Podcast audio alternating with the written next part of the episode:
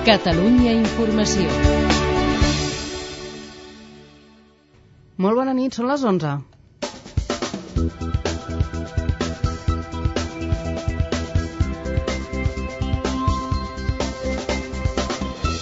La Unió Europea es compromet a que el 2020 s'hagi reduït un 20% les emissions de CO2 i que un 20% de l'energia sigui renovable. Els 27 també impulsen el pla de 200.000 milions d'euros per fer front a la crisi.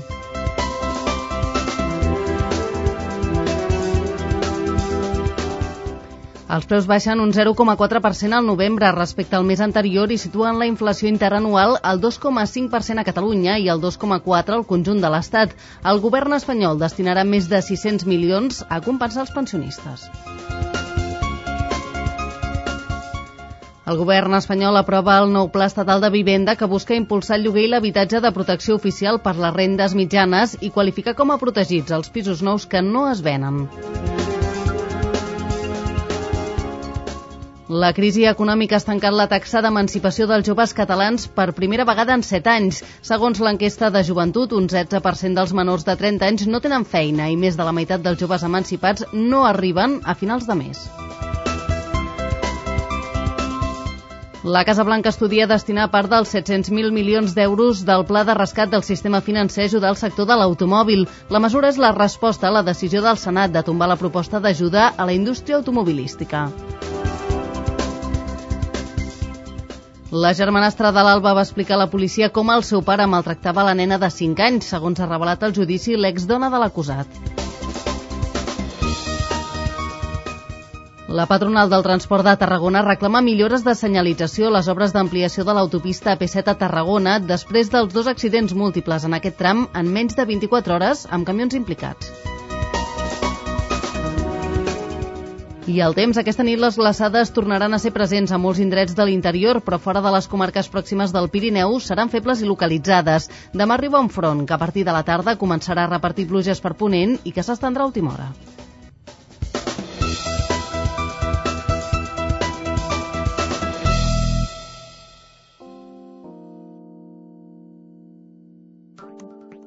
Catalunya nit, amb Lluís Urpí.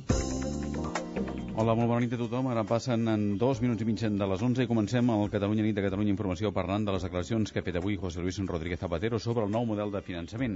El president del govern espanyol ha dit que l'acord arribarà aviat, però no es compromet a tenir-lo tancat abans de finals d'any, tal com va pactar, recordem, amb el president José Montilla. Y esa mejora de los recursos financieros ha de tener un destino, el estado del bienestar, la educación y la sanidad. Va a haber un acuerdo y lo va a haber eh, pronto. M'atrevo a dar una fecha, però lo va a haver pronto. En parlarem a l'entrevista dels divendres amb el coordinador dels diputats i senadors del PSC a Madrid, a Francesc Vallès. Com cada divendres en repassarem també l'activitat al Parlament de Catalunya, a l'Espai Hemicicle, amb Ignasi Abat i David Àngela. I abans de dos quarts de dotze arribaran els esports amb Jordi Castanyeda. Jordi, bona nit. Bona nit, Lluís. El Barça-Madrid escalfa motors perquè s'acosta. Eh? Exacte, i a més eh, Guardiola vol rebaixar l'eufòria, però anuncia que el seu equip anirà a l'atac. Eh, Pel que fa a l'expedició madridista, continua el dubte sobre un jugador, l'holandès Snyder, encara no saben si podrà jugar. A més, el Madrid ha tingut, un, podríem dir, una, una altra baixa d'última hora i és que el seu president Calderón ha patit un còlic i no s'ha pogut desplaçar amb l'equip. Pel que fa al eh, Campionat d'Europa de Natació en piscina curta, una altra medalla pel català Joan Vildebur. Ha estat la plata en el 50 esquena. I un resultat que hem sabut fa pocs minuts a la Lliga Leport de bàsquet plus Pujol Lleida 84, Los Barrios 86. Molt bé, gràcies Jordi, fins després. Fins després. I ja sabeu que ens podeu fer arribar els vostres correus a l'adreça del programa catalunyanit arroba catradio.cat.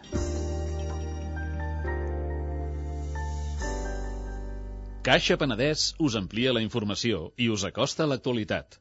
Les notícies més destacades a fons. Caixa Penedès. Persones al servei de persones. En la línia de la música que sona últimament entre les files del PSOE, avui el president José Luis Rodríguez Zapatero, com us dèiem, ha advertit que el finançament eh, podria no estar llest aquest any, tot i que s'hi va comprometre amb José Montilla, ara que només falten dues setmanes per esgotar el termini, el president espanyol prefereix no aventurar-se de nou. No concreta una data per l'acord final i tampoc per posar sobre la taula la nova proposta de Pedro Solbes. Enviat especial a Brussel·les, Sigfrid Grassa, bona nit. Hola, bona nit. Zapatero assegura que el finançament és una de les seves quatre màximes prioritats per aquesta legislatura i que és important que s'aprovi quan tot just fa nou mesos que va tornar a guanyar les eleccions, però malgrat tot no pot contestar si s'aprovarà el termini previst, és a dir, abans del 31 de desembre. Y esa mejora de los recursos financieros ha de tener un destino, el estado del bienestar, la educación y la sanidad. Va a haber un acuerdo y lo va a haber eh, pronto. En fin, me atrevo a dar una fecha, pero lo va a haver pronto. Zapatero ha volgut tranquil·litzar totes les comunitats autònomes. Ha explicat que amb el nou sistema totes rebran més diners. Gràcies, Ifrigras. I pendents de la negociació del finançament, el PSC afronta la setmana que ve la votació dels pressupostos de l'Estat al Congrés. Després del veto al Senat, els partits catalans han exigit als diputats socialistes, els 25, que facin valer el seu pes a Madrid. Dilluns, l'executiva del partit ha tancat aquest debat definitivament i tot apunta que el suport als comptes està garantit. Eva Godàs, bona nit. Hola, bona nit. El ministre Celestino Corbacho, dirigent del PSC, s'ha mostrat aquest vespre molt optimista. Creu que l'acord de finançament serà tan satisfactori per Catalunya que facilitarà el suport dels socialistes catalans als comptes de Zapatero. Tinc una gran relació personal i una gran amistat amb el Toni Castells i jo sé que, a més, ell també eh, estic convençut que sabrà trobar un acord amb el Pedro Solves i, i el, entre el Pedro Solves, el Toni Castells, el Zapatero i el Montilla faran el millor acord i el millor finançament per Catalunya. Paraules avui de Celestino Corbacho a la festa de la Rosa del PSC a Lloret, concretament de Mar.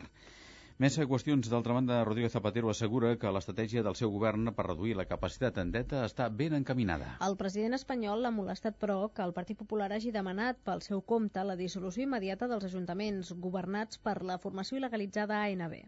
Me gustaría que esa cooperación, pienso en este caso en el Partido Popular, que desde el inicio de esta legislatura ha sido una colaboración razonable, continuara. Y que nadie haga partidismo, con ninguna sigla con ningún ayuntamiento, con ninguna circunstancia. Són declaracions de Zapatero a Brussel·les, on ha assistit al Consell Europeu. La Fiscalia Antiterrorista de París ha demanat l'empresonament del presumpte camp militar d'ETA, Itzol Iriondo, i dels altres dos suposats aterres detinguts dilluns al sud de França, Eneco Zarrabeitia i Aitor Arteche. El Ministeri Públic els imputa càrrecs com pertinença a banda armada, possessió d'armes i municions o utilització de documents i matrícules falses. La petició del fiscal és el pas previ perquè els tres detinguts passin a disposició de la jutja antiterrorista Lorenz Lebert. Mentrestant, a l'Audiència Nacional, el jutge Santiago Pedraz interrogarà demà els altres tres presumptes presumptes aterres detinguts dimarts a Irún i també les dues suposades col·laboradores arrestades a Guecho, Vizcaya. Aquestes detencions s'emmarquen en la mateixa operació antiterrorista on van capturar Aitzol Iriondo. Encara parlant d'ETA, l'expresa terra Iñaki de Juan Chaus continuarà en llibertat provisional a Irlanda del Nord. El jutge seguirà examinant, però, la petició espanyola d'extradició. Joaquim Lledó, bona nit. Hola, bona nit. El magistrat s'està pensant si demana més informació a les autoritats espanyoles després que l'advocat de De Juana ha dit que l'ordre d'extradició de l'Audiència Nacional és defectuosa i no aporta prou detalls per incriminar el seu defensat. L'advocat vol demostrar que el delicte d'enaltiment del terrorisme pel qual es reclama De Juana per interrogar-lo no comporta l'extradició automàtica. La justícia espanyola li atribueix una carta que podria constituir aquest delicte i que es va llegir durant l'homenatge que li van fer a Sant Sebastià el mes d'agost quan va sortir de la presó. Gràcies, Joaquim. El Parlament en base hi ha hagut avui una relliscada d'un diputat del Partit Popular. Carlos Urquijo ha revelat l'adreça on viuen els arzaines que vigilen la delegació del govern basc a Brussel·les. Els agents ja han canviat de casa. Crònica des de Bilbao, de Dani Gómez. Bona nit. Els artsaines encarregats de la seguretat de la delegació d'Euskadi a Brussel·les vivien en un xalet a 11 quilòmetres de la capital belga. El govern basc pagava 1.800 euros al mes de lloguer, una despesa massa elevada, segons el parlamentari del PP, Carlos Urquijo, i més tenint en compte, deia, l'actual situació de crisi econòmica. Per Urquijo, els artsaines desplaçats a Brussel·les són xofers de luxe i assistents de l'endacari i dels membres del govern i del Parlament bascos quan viatgen a la capital comunitària. Durant el debat que els populars han plantejat sobre aquesta qüestió, Urquijo Urquijo ha revelat l'adreça de la vivenda dels Ertzainas, fet que ha provocat una reacció molt contundent del conseller d'Interior, Javier Balza. Usted despilfarra el dinero público y, tan grave como eso, o más, miente por dos veces a este Parlamento. Y si quiere, repito, le doy la dirección también del chalet, que usted lo sabe perfectamente, porque está en la calle. Usted ha desvelado aquí dónde viven en Bruselas unos erchañas en servicio activo. Le doy muchas gracias por garantizar la protección de estos erchañas. Tendremos que cambiar la dirección, efectivamente. Gracias por irresponsabilidad política absoluta. Segons el Departament d'Interior, els ertzaines de Brussel·les han abandonat ràpidament la casa. La conselleria dirigida per Balza ha exigit la dimissió d'Urquijo, però el PP diu que no dimitirà perquè la casa estava buida des de feia temps, ja que els agents bascos van ser cessats. Per aquesta raó, els populars han acusat Balza de sobreactuar. Gràcies, en Dani. Ara passen 10 minuts de les 11 de la nit. Eh, tornem a Catalunya. El tripartit preveu aprovar al gener la llei que permetrà recuperar l'àrea metropolitana de Barcelona, un òrgan supramunicipal suprimit pel govern de Convergència i Unió el 1987. El conseller de Governació, el republicà Jordi Ausàs, ha assegurat que aquest nou organisme no s'articularà com a contrapoder de cap altra administració. Marta Corbalan, bona nit. Hola, bona nit. El futur govern metropolità aglutinarà totes les competències que ara estan repartides entre la Mancomunitat de Municipis, l'entitat metropolitana del transport i la de Medi Ambient. Segons el conseller Ausàs, això permetrà simplificar l'estructura administrativa i estalviar recursos econòmics.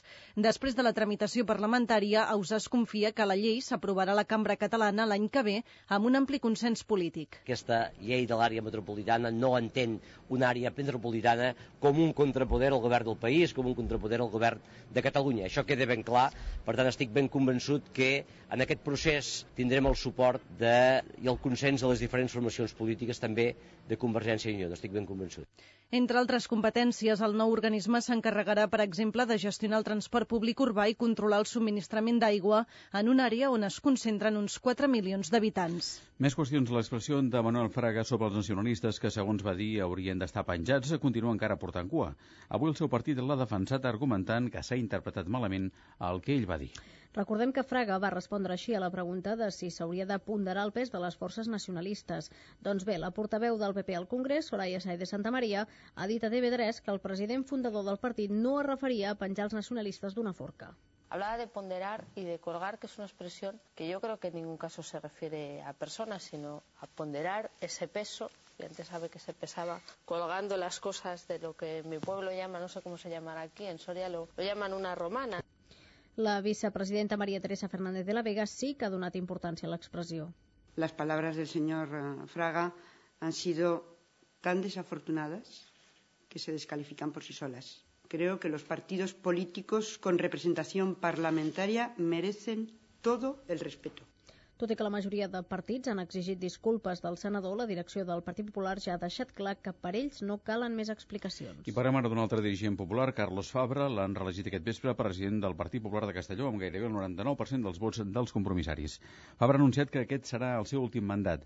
El dirigent conservador ha desmentit que aquesta decisió sigui conseqüència del procés judicial obert contra ell per diferents delictes contra l'administració i frau fiscal. El reelegit president del PP de Castelló ha estat acompanyat a la clausura del Congrés pel el president de la Generalitat Valenciana i líder del partit al País Valencià, Francisco Camps, i també de Javier Moliner, adjunt a la presidència i possible successor de Fabra quan acabi aquest mandat. Per amar de la Federació Nacionalista, l'eurodiputat de Convergència i Unió, Ignasi Guardans, demana a la direcció del seu partit que resolgui a tot estirar a principis de gener el nom de la persona que ha d'encapçalar la candidatura de Convergència i Unió a les eleccions europees del juny del 2009. Després que Artur Mas hagi dit que està estudiant diversos noms, inclòs el de Guardans, per representar la Federació al Parlament Europeu, l'encara eurodiputat Ignasi Guardans ha demanat en unes declaracions a Catalunya Ràdio una certa celeritat en la decisió que prengui el seu partit. No hi ha un límit concret en termes polítics. N'hi ha una mica per...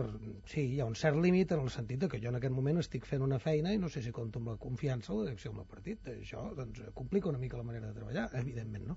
Que això crec que hauria d'estar resolt pel bé del partit, pel bé de la candidatura, la que sigui, i potser per una mica de respecte a les persones que estan implicades en tot això, doncs que estés clar a final d'any o primers de l'any que ve.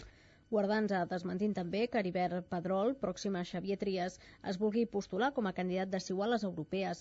Un altre dels noms que han sonat els últims dies per ocupar l'escó de Guardans, si l'arriba a deixar, és el de l'exvocal del Consell General del Poder Judicial, Alfons López Tena. Ignasi Guardans ha fet d'eurodiputat a Estrasburg els últims cinc anys i assegura que està disposat a ser-ho cinc anys més. I per de, de l'altre soci de la Federació, en Duran i Lleida creu que els immigrants, a part de drets, han de demostrar que fan els deures. El líder d'Unió, Josep Antoni Duran i Lleida, creu que el tripartit s'equivoca centrant la negociació del Pacte Nacional per la Immigració en el dret de vot dels immigrants per dos motius.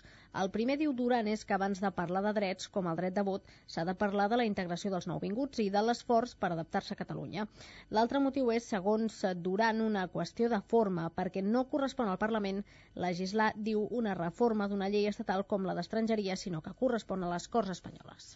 Geni de la llàntia meravellosa. Doctor, no sé què li passa. Vull un televisor. Pidola i pidola. Un ordinador. Tot el dia frega targetes de color verd. Unes vacances I no és el primer. Unes maletes. És greu, què ets de fer?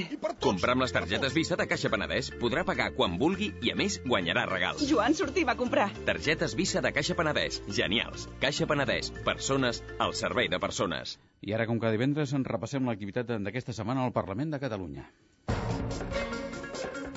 L'Hemicicle. L'actualitat parlamentària a Catalunya Informació. Amb Ignasi Abad i David Àngela. I el muntatge de Salva Pou. A petició del Parlament, el Congrés de Diputats treballarà perquè hi hagi un fons de peatges que acabi amb el greuge comparatiu de Catalunya en relació amb l'Estat. A la cambra, el president de CESA ha proposat que els usuaris paguin més quan hi hagi més retencions, tot plegat la setmana que ha començat el tràmit efectiu de la llei d'educació en comissió. A l'espai, en una frase, avui tenim la diputada del PSC, Núria Segur.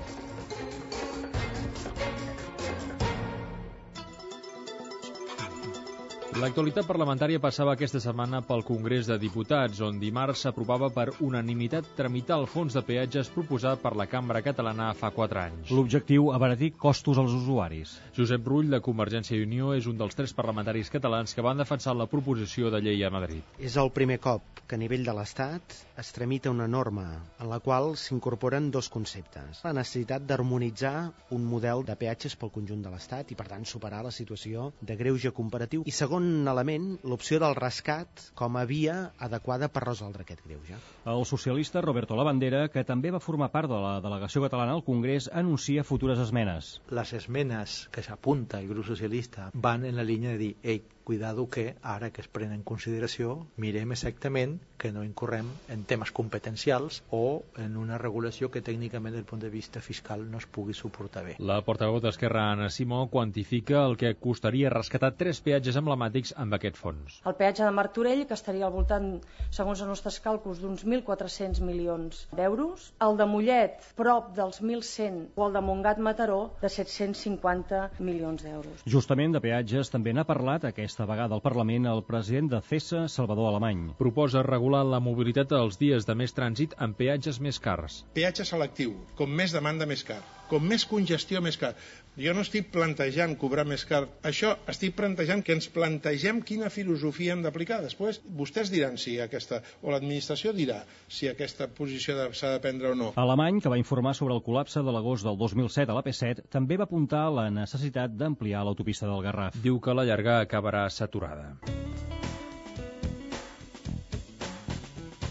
La presidenta del Tribunal Superior de Justícia de Catalunya, Maria Eugènia Alegret, ha explicat als diputats que la crisi econòmica està desbordant alguns jutjats, especialment els mercantils. Davant d'això, Alegret lamenta un pressupost de justícia restrictiu pel 2009. En situacions extraordinàries el que cal és una mesura extraordinària. Si hi ha una epidèmia, la solució no passa per restringir el número, el número de metges i d'infermeres, sinó que s'han de posar els recursos necessaris per assumir una nova demanda. La diputada de Convergència i Unió, Núria de Gispert, diu que el govern nega la realitat. El govern actual no solucionarà els problemes de la justícia, perquè no us veu. A mi m'agradaria que vostè sentís les respostes quan nosaltres presentem aquí propostes de resolució. No passa res. Si no es necessiten més jutjats mercantils, no es necessiten més contenciosos, no es necessita més personal, si n'hi ha suficient. Per la socialista Agnès Pardell, la qüestió no són més recursos, sinó com administrar-los. No hem de pensar en només obtenir més recursos pressupostaris, més inversions, sinó que potser hem d'estar pensant, i avui més que mai, en la necessitat necessitat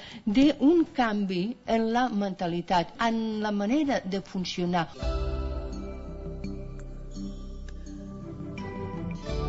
Ja s'han aprovat les compareixences pel projecte de llei d'educació i intervindran una seixantena de persones a partir de mitjans de gener. El conseller Ernest Maragall vol un consens ampli, ho deia dimarts en una reunió amb el grup socialista. Una llei definitivament aprovada per una amplíssima majoria i que inclogui efectivament tota l'ambició que des del principi hem expressat. I per tant que la primavera que ve sense, en fi, no sóc capaç de concretar més, doncs que tinguem la, la llei definitivament eh, votada, i, aprovada i publicada. Des d'Iniciativa, Esquerra Unida i Alternativa, Dolors Camats reclama el consens que va tenir el Pacte Nacional. La llei pot ser el màxim d'ambiciosa possible si respecta i trasllada els acords del Pacte Nacional per l'Educació. I precisament fent això, referint-se'n al pacte, pot ser una llei també de consens. L'oposició denuncia presses per acordar la tramitació del projecte. Sentim la diputada de Convergència i Unió, Irene Rigau. En lloc de fer les compareixences separades del període d'esmenes, que té lògica perquè primer escoltes a les entitats i després elabores les esmenes, el tripartit fa coincidir esmenes i compareixences per poder aprovar amb molta rapidesa aquesta llei. Sembla que vulguin que les esmenes ens els aporti el tió o els reis. El reportatge. Ja fa un mes i mig que el personal uniformat del Parlament va canviar d'imatge. Del color pedra dels últims 4 anys s'ha passat a un uniforme gris fosc que combina blanc, blau i granat. És un uniforme clàssic, és un trajo gris molt fosc, gris antracita que diuen. Pot ser en el cas de les dones amb fandilla o amb pantaló, en la camisa és blanca. Begoña Benguria, cap de Recursos Humans. Els homes porten també una armilla també d'aquest color fosc. Les dones porten un mocador que és d'aquest gris. Les camises tant d'uns i els altres porten també l'escut. Quanta gent el porta? Entre uixers, eh, xofers i auxiliars de visites i telefonistes, al voltant del 65. S'ha guanyat amb el canvi? A l'altre uniforme no és que estigués malament, però clar, un color més clar. Xavier Martínez, uixer del Parlament. El tema d'embrutar-se, el rossament, aquest la roba, la qualitat és més bona, i bueno, i en general amb aquest uniforme de moment estem contents. Ara d'entrada ens han fet uns uniformes, que són dos d'hivern. Ah, llavors, camises en tenim moltes, em sembla que són quatre, la camiseta la canvies cada dia, el pantaló, el ser fosc... Maria Àngels Casanovas, telefonista de la cambra. T'obligava a canviar-te més, més sovint, o portar tintoreria, rentar i tal i amb aquest uniforme fos no és tan necessari. Eh, pots canviar la setmana pues, el pantaló, jo què sé, cada persona s'ho fa com vol, no? Venen els sastres aquí, si venen aquí, t'han pres la mida i te l'han fet l'uniforme personalitzat. I a més a més, quan l'han portat, te venen a provar. Les sabates, anem amb una, amb una empresa que tenen contractada, ens donen un, un vale i anem a l'empresa aquesta i comprem les sabates. El vincle sentimental amb els uniformes. Hi ha moltes persones que l'han donat a alguna ONG o han donat a alguna empreses d'aquestes que recullen roba, altres persones li han donat amics, reconeguts, i altres se'ls han guardat de record. Jo en concret m'he guardat un de record. El primer tratge pues, sí que li tinc un especial carinyo perquè va, ser el, de fet amb el que vaig començar. També té les teves la seva transcendència històrica. Eh, el vaig guardar fins fa poc, el que passa que el lloc, el que estic és un lloc molt petit i clar, evidentment per qüestions d'espai pues, em vaig desprendre d'ell amb molta pena, però bueno. I aquest és el que de fet em va marcar més. El que passa que reconec que pues, aquest s'adiu més amb la, que són les característiques de la institució. L'hemicicle. La Sindicatura de Comptes ha estirat una mica les orelles al govern aquesta setmana arran de l'informe sobre el Pla Únic d'Obres i Serveis relatiu al 2006. En general, demana al Departament de Governació més control sobre les subvencions que atorga als ens locals. Mentre la diputada republicana Maria Àngels Cabassés diu que no es pot deixar de banda els ajuntaments en temps de crisi, Ángeles Olano, del PP, denuncia una gestió nefasta de la conselleria. El departament és solidari i és eh, sensible amb aquests ajuntaments i té molt en compte que no perdin gran part d'aquestes subvencions subvencions que són o representen un percentatge molt elevat del seu pressupost. Que aquestes subvencions no s'ha fet cap tipus de seguiment de si s'havia fet ús o si estava tota la documentació. I el missatge quin ha estat? Que encara que no compleixin les seves obligacions no passa res. Aquesta setmana també està notícia al Parlament. La negociació sobre el finançament autonòmic. Esquerra i Convergència i Unió pressionen perquè el PSC faci valer el seu pes al Congrés per tancar un acord abans de final d'any. Sentim Anna Simó i Oriol Pujol. Si d'aquí a final d'any els diputats del PSC són capaços d'aconseguir aquest compliment, les eines que utilitzin a mi em són ben bé iguals. Que posin els fets per davant de les paraules, que deixin de treure només pit i que passin a actuar, demanant que els pressupostos generals de l'Estat incorporin ja definitivament el nou sistema de finançament, o altrament que hi votin en contra. El crit de mort al Borbó de Joan Tardà també rep crítiques al Parlament. Ciutadans reclama que el Ministeri Públic intervingui contra el diputat republicà al Congrés. Sentim José Domingo. Debe pedirse al fiscal general del Estado que proceda a investigar el carácter delictivo o no de estas palabras que pronunció en ese aquelarre eh, entre fuegos y en que él oficiaba de brujo mayor el señor eh, Tardà. Retreuen falta de diàleg al conseller de Cultura sobre el nou centre d'art contemporani. Tots els grups excepte Esquerra critiquen Joan Manuel Tresserres. El conseller admet errors en la interlocució. No vam interpretar adequadament símptomes que probablement haurien permès avançar que hi havia aquí un terreny de desacord o de confrontació. Però una cosa és reconèixer això i l'altra és posar en qüestió la legitimitat de l'acció que en aquest àmbit està duent a terme el Departament. L'hemicicle. Té la paraula Núria Segú, diputada al Parlament de Catalunya i portaveu de Salut del grup parlamentari socialista Ciutadans pel Canvi. En una frase. Senyora Núria Segú, cap on va Catalunya? Catalunya va endavant. Catalunya sap on va. Quina hauria de ser la relació Catalunya-Espanya? Hauria de ser millor que la que és, però hauria de ser dintre el marc, com deia, de la pluralitat. Tan centralista és el govern de Madrid? Penso que no. I el de Catalunya és centralista? Penso que sí. Massa. Uh, està ben repartit el poder a Catalunya? Si entenem poder com responsabilitats de les diferents administracions, penso que no. Els immigrants han de tenir dret a vot? En determinades eleccions penso que sí. Creu que el capitalisme és l'únic model econòmic i social viable? El capitalisme és un model viable amb un estat fort que intenti posar limitacions al mercat. Té mútua privada? No. Confia en la seguretat social, per tant? Confio en el sistema de salut pública, que és el que acudeixo habitualment. Els seus fills van a l'escola pública, concertada o privada? Els meus fills van a l'escola pública, jo sóc defensor del sistema públic. L'arrel quadrada de 81? Soc de lletres, llatí i grec. Quin nivell té d'anglès? Baix. Quin nivell té de català? Alt. Què parla en la intimitat? Català, el 95% del meu temps. Un dia ideal? Avui. Un dia nefast? Avui. Ferran Adrià o Santi Santa Maria? Qualsevol dels dos. Llac o Serrat? Serrat. Javier Bardem o George Clooney? Em fa difícil, però el George Clooney. Un programa de televisió que li agradi? Qualsevol sèrie sigui per defugir, eh? des de CSI fins a House. Quin personatge històric li hauria agradat ser? Admiro Leonor d'Aquitània, la mare de Ricardo Corazón de León. De què ha treballat abans de ser diputada? La meva professió és bibliotecària. Pis de lloguer o de propietat? De propietat amb hipoteca. Quin va ser el seu primer cotxe? Un Volvo 340. Quin cotxe té ara? Un Volvo C30. Quants telèfons mòbils té? He aconseguit tenir-ne un. Les pel·lícules a casa les mira a la televisió, en DVD o baixades a internet? Pel·lícules poques i bàsicament dedicades a l'oci dels meus fills. Quin concert no es perdria mai? Vaig anar a veure l'últim de Tequila. Sap quan val el peatge de Martorell? Això del teletac fa que perdis determinades perspectives. Per què es dedica a la política? Per vocació? Amb interrogant. Conserva amics d'infantesa? Sí, pocs, però el conservo. Recomani'm un vi. Qualsevol de la Terra Alta, negre. Quin plat ens faria si ens convidés a casa seva a sopar? El que li agradés a vostè. Quin plat demana en un bon restaurant? Jo menjo moltes amanides i m'agrada el peix. Ha fet mai nudisme? No. Paga impostos a l'església? No. Té pla de pensions? Sí. Què la faria deixar la política? Que el partit al qual pertanyo i militi no respongués a les meves idees, que no és el cas.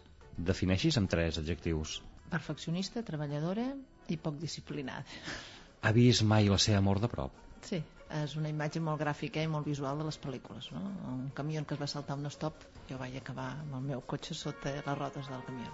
I des de llavors soc fidel a una marca determinada de cotxe. Què vol que hi digui el seu epitafi? Va estimar i va ser estimat. Un comiat. Adeu. Senyora Núria Segur, moltes gràcies. Gràcies a vostè.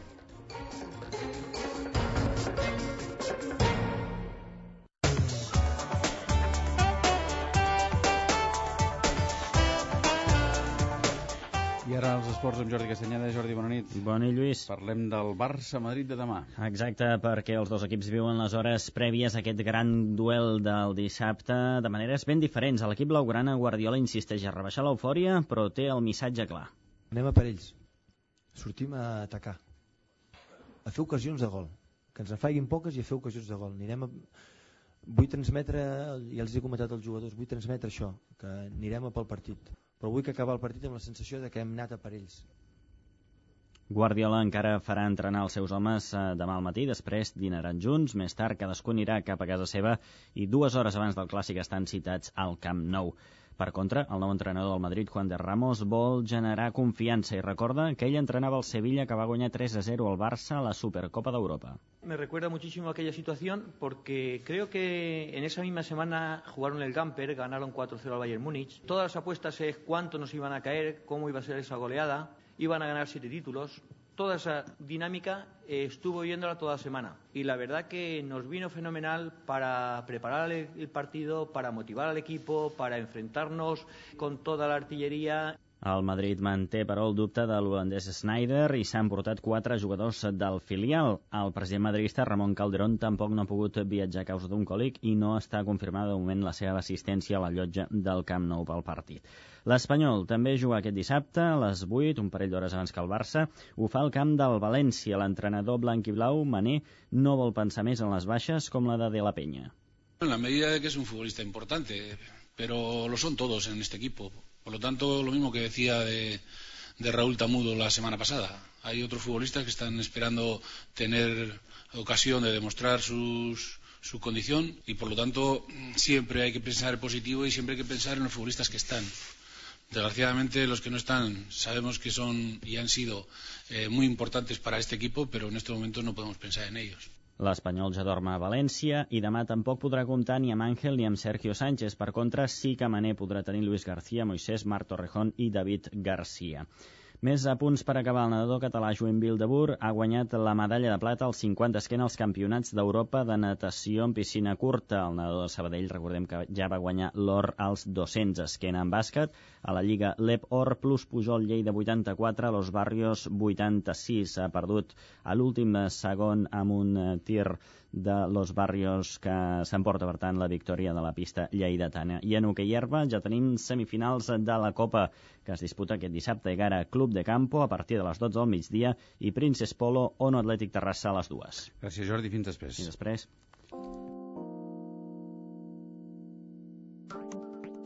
Catalunya nit, amb Lluís Urpí.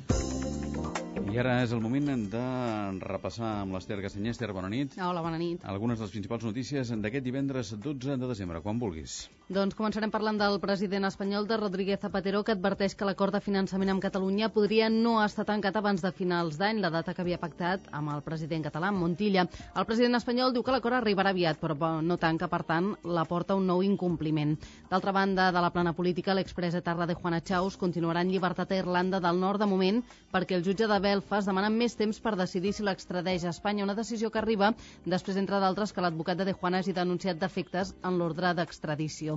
També centrats en la cimera de Brussel·les, que es tanca amb un acord per reduir un 20% les emissions de gasos contaminants d'aquí al 2020. Els països de la Unió Europea, més, han decidit injectar 200.000 milions d'euros per rellançar l'economia. I ja que parlem d'economia, els preus baixen 4 dècimes al novembre i la inflació se situa al 2,5% a Catalunya i al 2,4% al conjunt de l'Estat. El govern espanyol diu que destinarà més de 600 milions per compensar els pensionistes, però segons els sindicats això no evitarà que aquests perdin poder adquisitiu. I pel que fa al temps, aquesta nit tornaran les, les glaçades a molts punts de l'interior, tot i que només seran importants al Pirineu. Pel cap de setmana esperem un front que portarà pluges a partir de demà a la tarda vespre nit.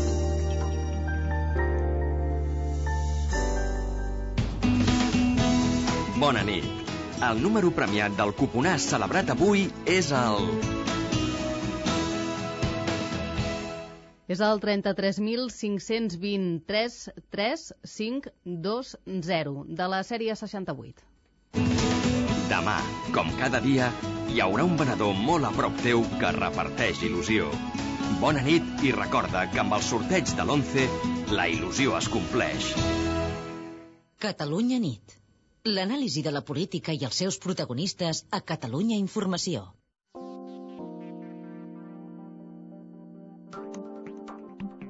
L'entrevista del divendres.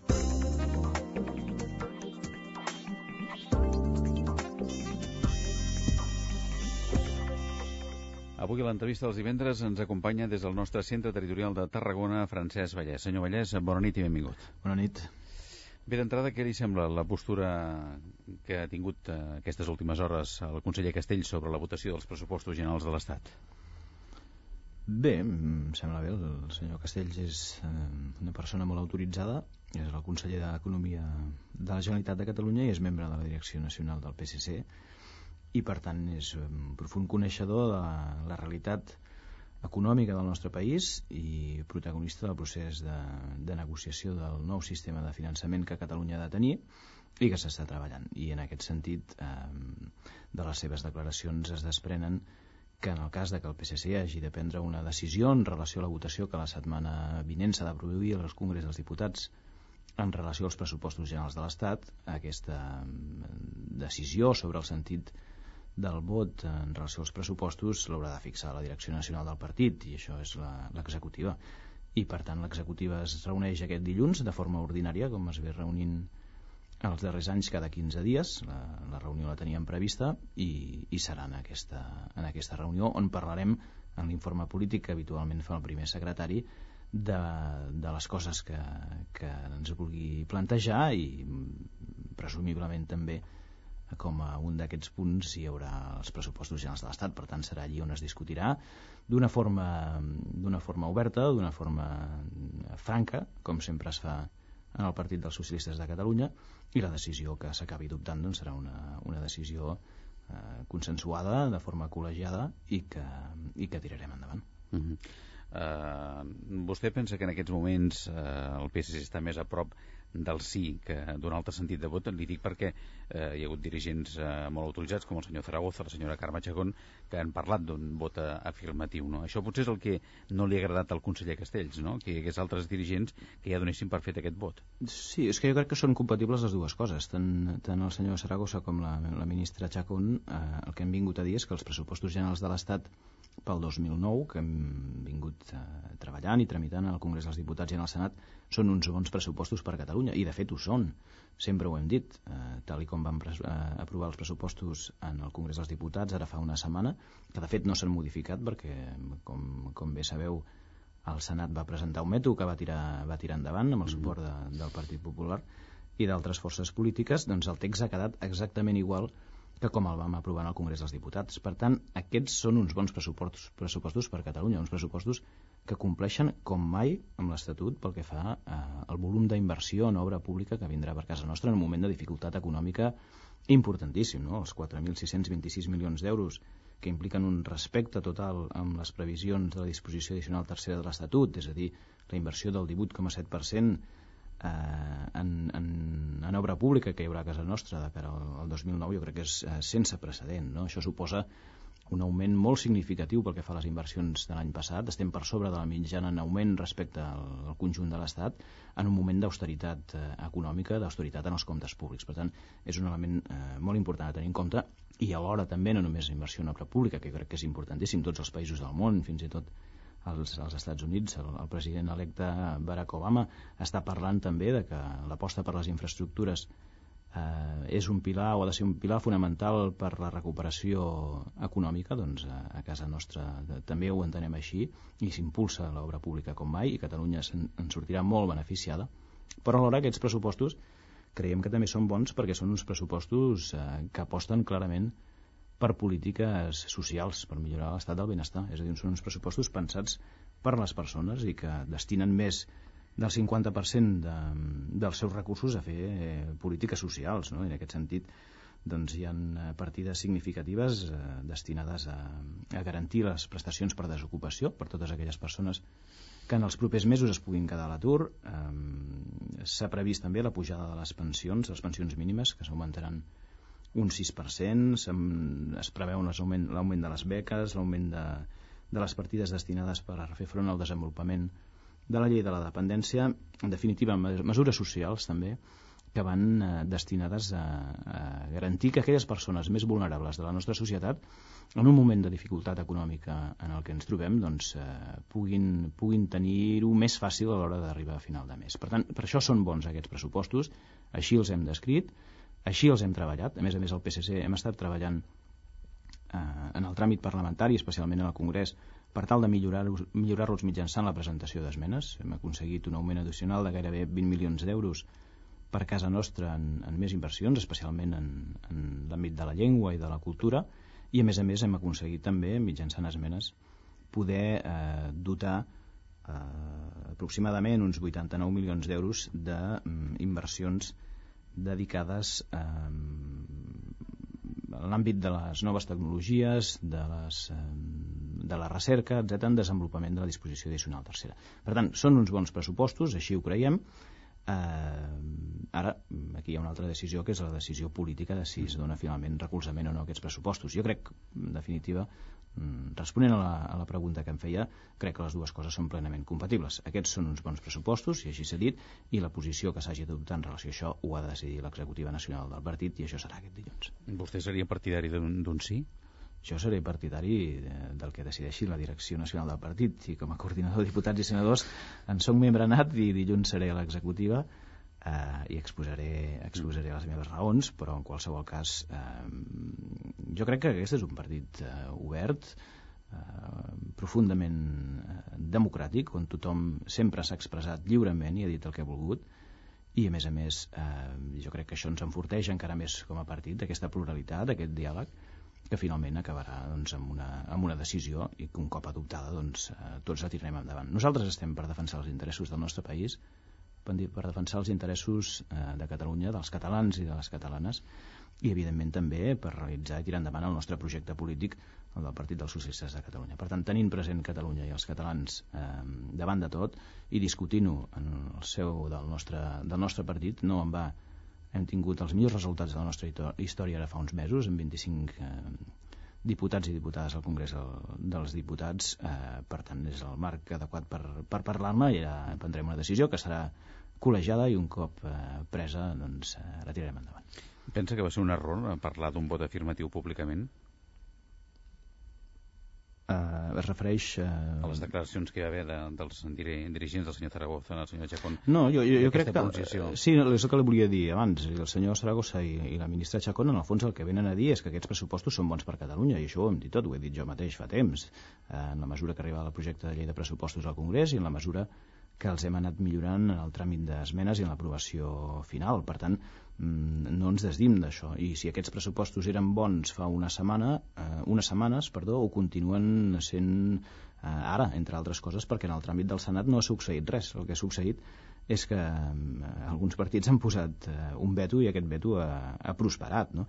I alguns partits, doncs, eh, especialment Convergència i Unió, ja va anunciar en el seu moment la presentació d'un veto en el Congrés i també en el Senat. Això jo crec que és... Eh, això sí que no és treballar a favor de Catalunya, sobretot quan són uns pressupostos que realment el que volen és eh, fer front a aquest eh, greuge històric que Catalunya ha patit pel que fa a les inversions en obra pública eh, i en polítiques de benestar. I de posar-se una vena als ulls i no voler veure què són aquests pressupostos, doncs ells eh, sabran per què ho fan en una situació econòmica com la que tenim ara, que jo crec que el que es requereix eh, és, és estar a prop de, del govern eh, bé, hi ha qui ha decidit posar aquest veto no?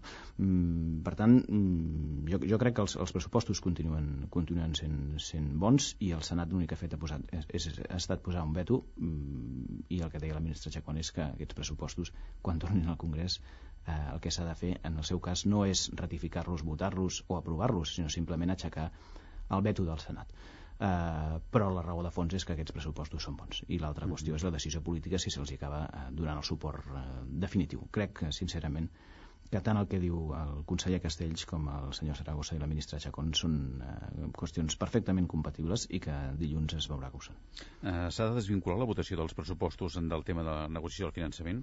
Perquè a vegades s'ha volgut vincular i a vegades s'ha desvinculat. Bé, mm, és evident que segueixen camins paral·lels eh, que, no, que no van vinculats entre altres coses perquè els temps són diferents i perquè els agents i els, els negociadors també són diferents. Els pressupostos estan en seu parlamentària, en el Congrés dels Diputats i en el Senat, i la negociació sobre el sistema de finançament està en el govern. És una negociació bilateral eh, de govern a govern i per tant bé, es, poden, es poden vincular en la mesura que s'acaben trobant a final d'any eh, però hi ha segurament algú molt interessat i penso especialment en, en, en Convergència i Unió en, que, en fer-nos veure que aquest termini ja s'ha acabat, que no hi som a temps i que, i que no aconseguirem un bon finançament. No? Jo voldria recordar que si hi ha una necessitat evident de millorar el sistema de finançament per Catalunya és precisament perquè aquell que va acordar Convergència amb el Partit Popular l'any 2001 no ha estat bo i ens ha portat a la situació en la que estem. Per tant, això mm, calia millorar-ho, en primer lloc. I en segon lloc, eh, el que és important és que el sistema de finançament entri en funcionament el proper 1 de gener. Per tant, eh, jo crec que el que cal, aquí encara no s'ha aixecat ningú de la taula de negociació, eh, i jo crec que el que cal és eh, continuar negociant fins a l'últim segon, de l'últim minut, de l'última hora, de l'últim dia per tal de que això sigui una, una realitat.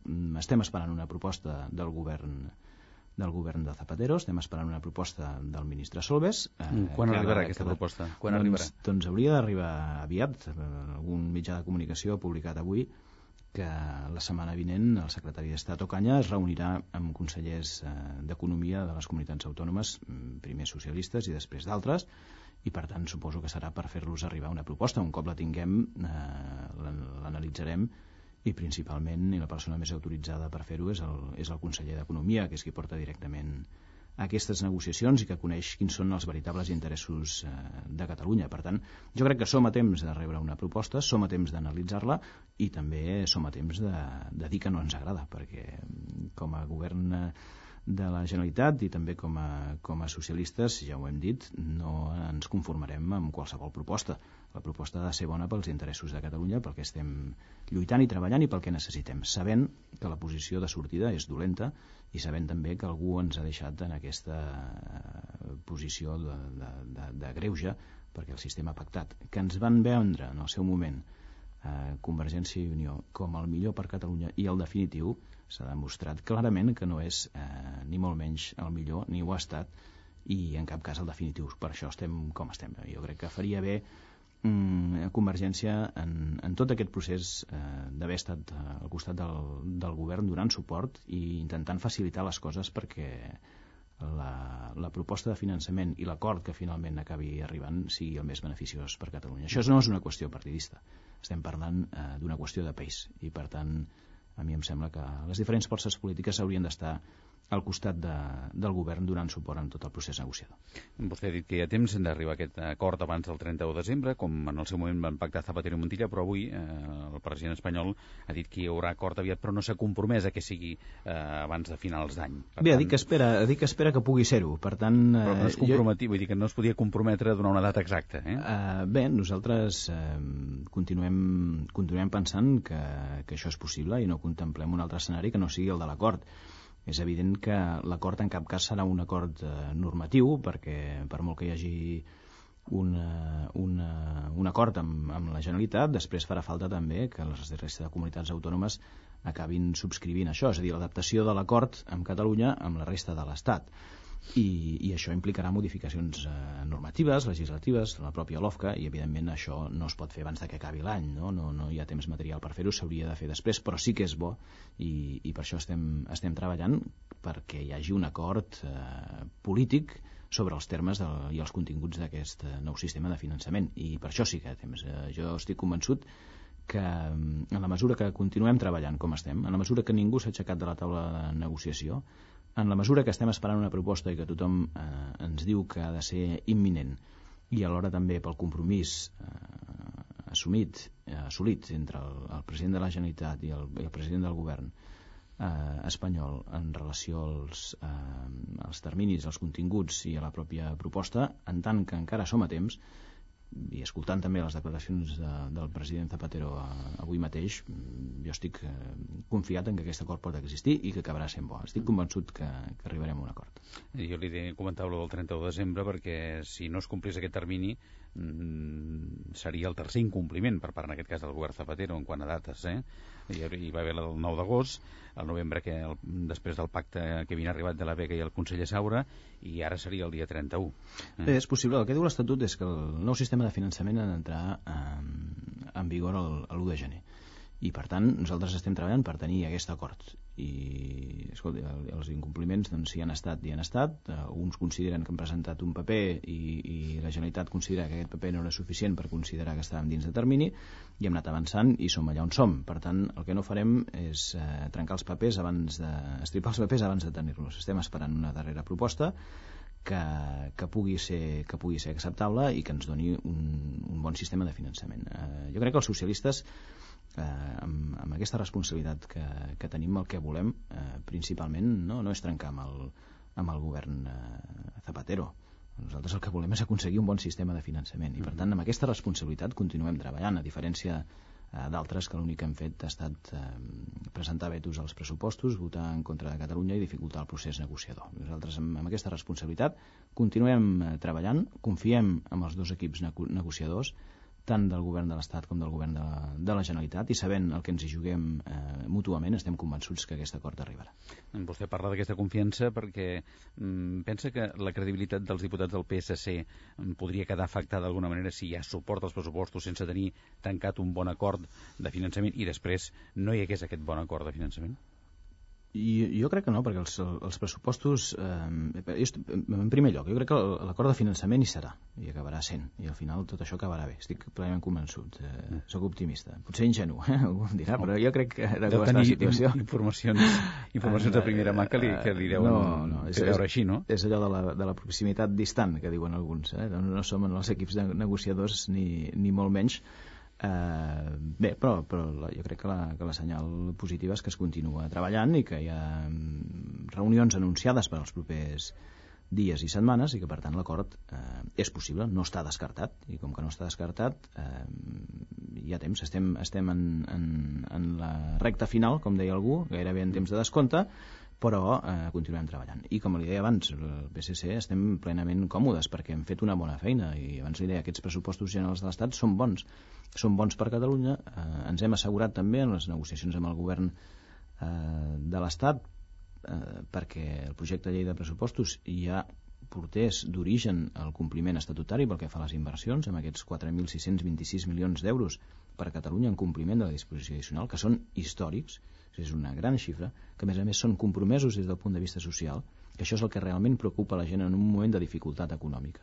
Que a més a més això ha permès també que es puguin adoptar uns paquets de mesures per fer front a la crisi, que jo crec que són importantíssims i que a més a més ahir mateix convalidàvem també en el Congrés dels Diputats en relació al fons eh, destinat a, a les inversions als municipis per tal de fer front a l'obra pública i generar també contractació i que a més a més d'aquests eh, pressupostos han eh, millorat mm, sensiblement, mm, m'atreviria a dir de forma molt important, com a conseqüència també del treball i de les esmenes que els diputats mm. i diputades del PSC hem fet per eh, beneficiar també, perquè Catalunya en pugui ser, eh, sortir beneficiada, que abans parlava d'esmenes eh, clarament vinculades a la cultura, a la nostra cultura i a la nostra llengua, i també aquests 89 milions d'euros addicionals que hem posat mitjançant esmenes del PSC per fer font a infraestructures de foment, a centres de recerca i desenvolupament, al medi ambient, agricultura, en definitiva, eh, a qüestions que han d'afectar molt clarament els propers anys eh, a casa nostra, perquè s'aposti d'una forma clara per, per, per, per la nostra innovació, per la innovació de les nostres empreses, de la nostra indústria, perquè puguem tenir, tenir també productes de més valor afegit que ens puguin ser eh, i fer més competitius de cara al futur. Per això hem estat treballant estem eh, satisfets de la feina que hem fet en relació amb aquests pressupostos, creiem que són uns bons pressupostos i ara políticament estem en una altra situació que és eh, la que haurem de, de, de, de decidir i analitzar aquest proper dilluns. Li preocupa que, que es trenqui la unitat catalana en aquest tema del finançament perquè eh, li dic perquè Convergència i Unió, Esquerra Republicana i Iniciativa per Catalunya Verds han demanat ja que, com que encara no està clar el tema del finançament, que els diputats del PSC, o sigui que vostès rebutgin aquests pressupostos de l'Estat. És que, eh, és que faltaria més que els altres partits ens diguessin al PSC què és el que hem de fer, no? I 25 diputats són més que tots aquests altres partits junts, amb tots els respectes del món, no? Amb molt, amb molt més suport i per tant també molt, molt més conscients de la responsabilitat que implica representar a tants i tants votants, a tantes i tantes persones que ens van donar la seva confiança a les eleccions del passat mes de març.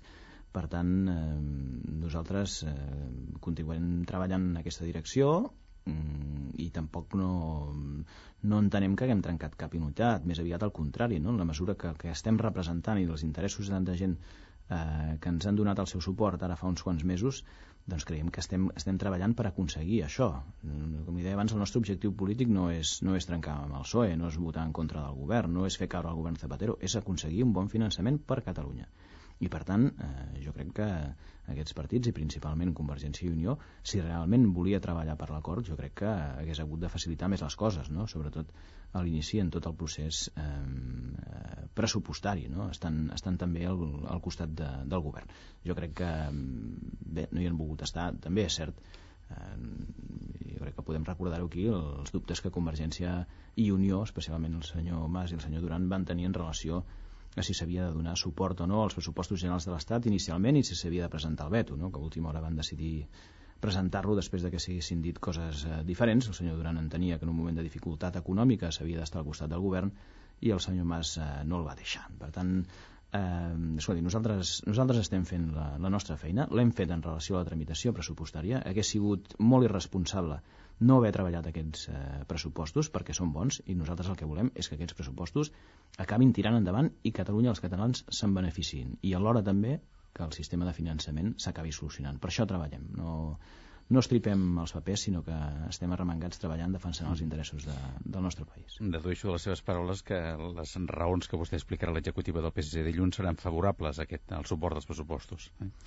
Jo explicaré les raons eh, dels pressupostos generals de l'Estat i el que implica els pressupostos i per tant des de la serenitat i des de la prudència s'haurà de fer una anàlisi del que implica donar o no suport en aquests pressupostos generals de l'Estat, però en qualsevol cas eh, jo, com no podria ser d'altra manera, acceptaré la decisió que la direcció del partit acabi, acabi adoptant. Però, eh, escolti, jo crec que el, el més important és que, és que la gent sàpiga que té l'escalf d'un govern al, al seu costat, que en una situació econòmica complicada, en el que molta gent es pot quedar a l'atur i pot tenir dificultats per arribar a final de mes, que s'ho pot passar molt malament, eh, i fins i tot des del punt de vista de prestacions eh, socials que sàpiga que té un govern, no un sinó dos governs al darrere que el que intentarà és que aquestes persones més vulnerables de la nostra societat eh, tinguin menys dificultats. La bona notícia de la situació econòmica que, que tenim ara, que és molt dolenta, és que l'està eh, gestionant un partit d'esquerres, de, un partit eh,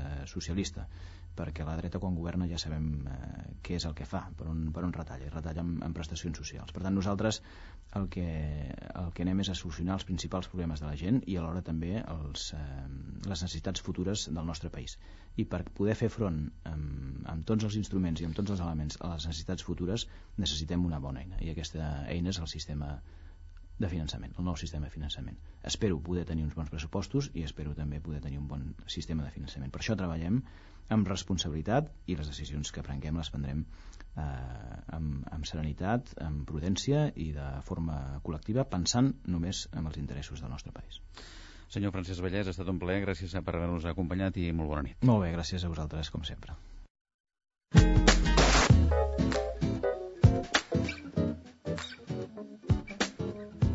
Catalunya nit.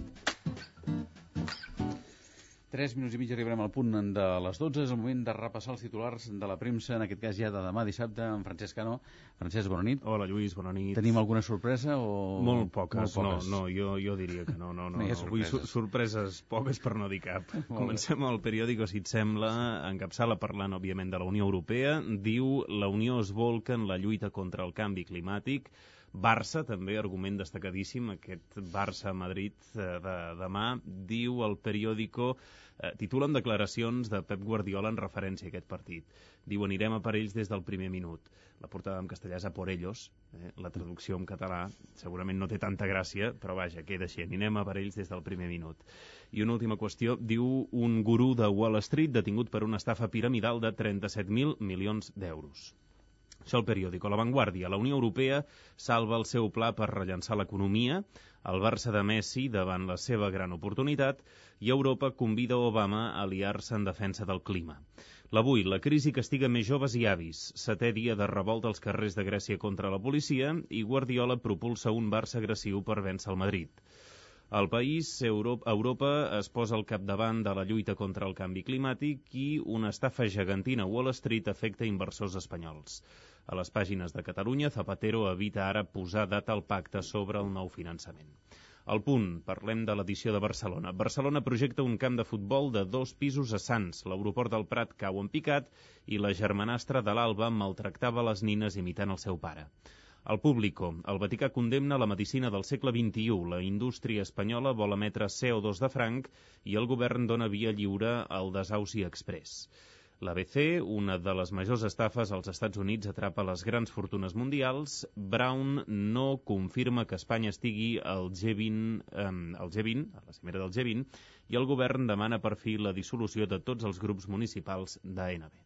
Acabem amb la raó molt breument. El govern justifica la seva reforma laicista per incorporar la pluralitat de creences. Gràcies a Franciscano i bona nit. A tu, bona nit. I ara amb Jordi Castanyà dels esports, eh, titulars i reflexió. Jordi, quan vulguis. Doncs aquest Barça que, com sentíem ara, Guardiola anuncia que anirà a l'atac i pel que fa a l'expedició madridista continua el dubte sobre si podrà jugar a Snyder, que aquest divendres no ha viatjat fins a Barcelona, és el president madridista Calderón, que ha patit un còlic. El nedador i català Ashwin Bildebur ha guanyat la medalla de plata en els 50 esquena als Campionats d'Europa de natació en piscina curta a Croàcia. I una notícia que ha estat molt comentada al Brasil i és que Ronaldo ha tornat a la competició com a jugador del Corinthians amb algun quilet de més Ronaldo es veu que ja ha superat aquella fase de depressió per la seva greu lesió al genoll esquerre i torna a jugar a futbol, ho fa amb el Corinthians als seus 32 anys.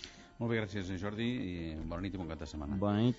I dilluns parlem amb el portaveu adjunt del PSC al Parlament, Joan Ferran. Fins aquí el Catalunya Nit de Catalunya Informació d'avui que han fet possible Eva Godàs, Esther Castanyer, Francescano, Marta Jerez, Júlia Aparicio, Jordi Castanyeda, la secció de política dels serveis informatius d'aquesta casa i que us parla Lluís Urpí. Fins dilluns, gràcies per la vostra atenció i bon cap de setmana i molta sort.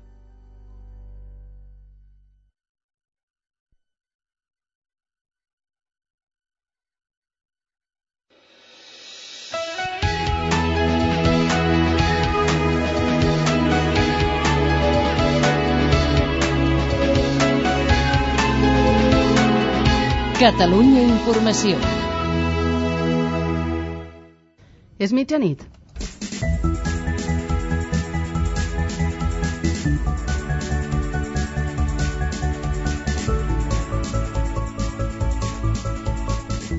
Els preus baixen 4 dècimes al novembre i la inflació se situa al 2,5% a Catalunya. Segons els sindicats, els pensionistes perdran poder adquisitiu, tot i que el gener se'ls compensi per la desviació de la inflació.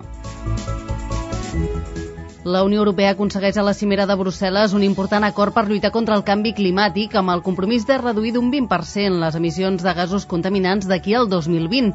Els 27 també han decidit injectar 200.000 milions d'euros per rellençar l'economia. La germanastra de l'Alba, la nena de 5 anys víctima de maltractaments, assenyala el seu padrastre i principal acusat com l'autor de les vexacions. Els serveis socials vigilaven el cas de la menor, però van centrar les sospites en el pare biològic. Detingut l'expresident de la Borsa de Valors Tecnològics d'Estats Units que, pel que podria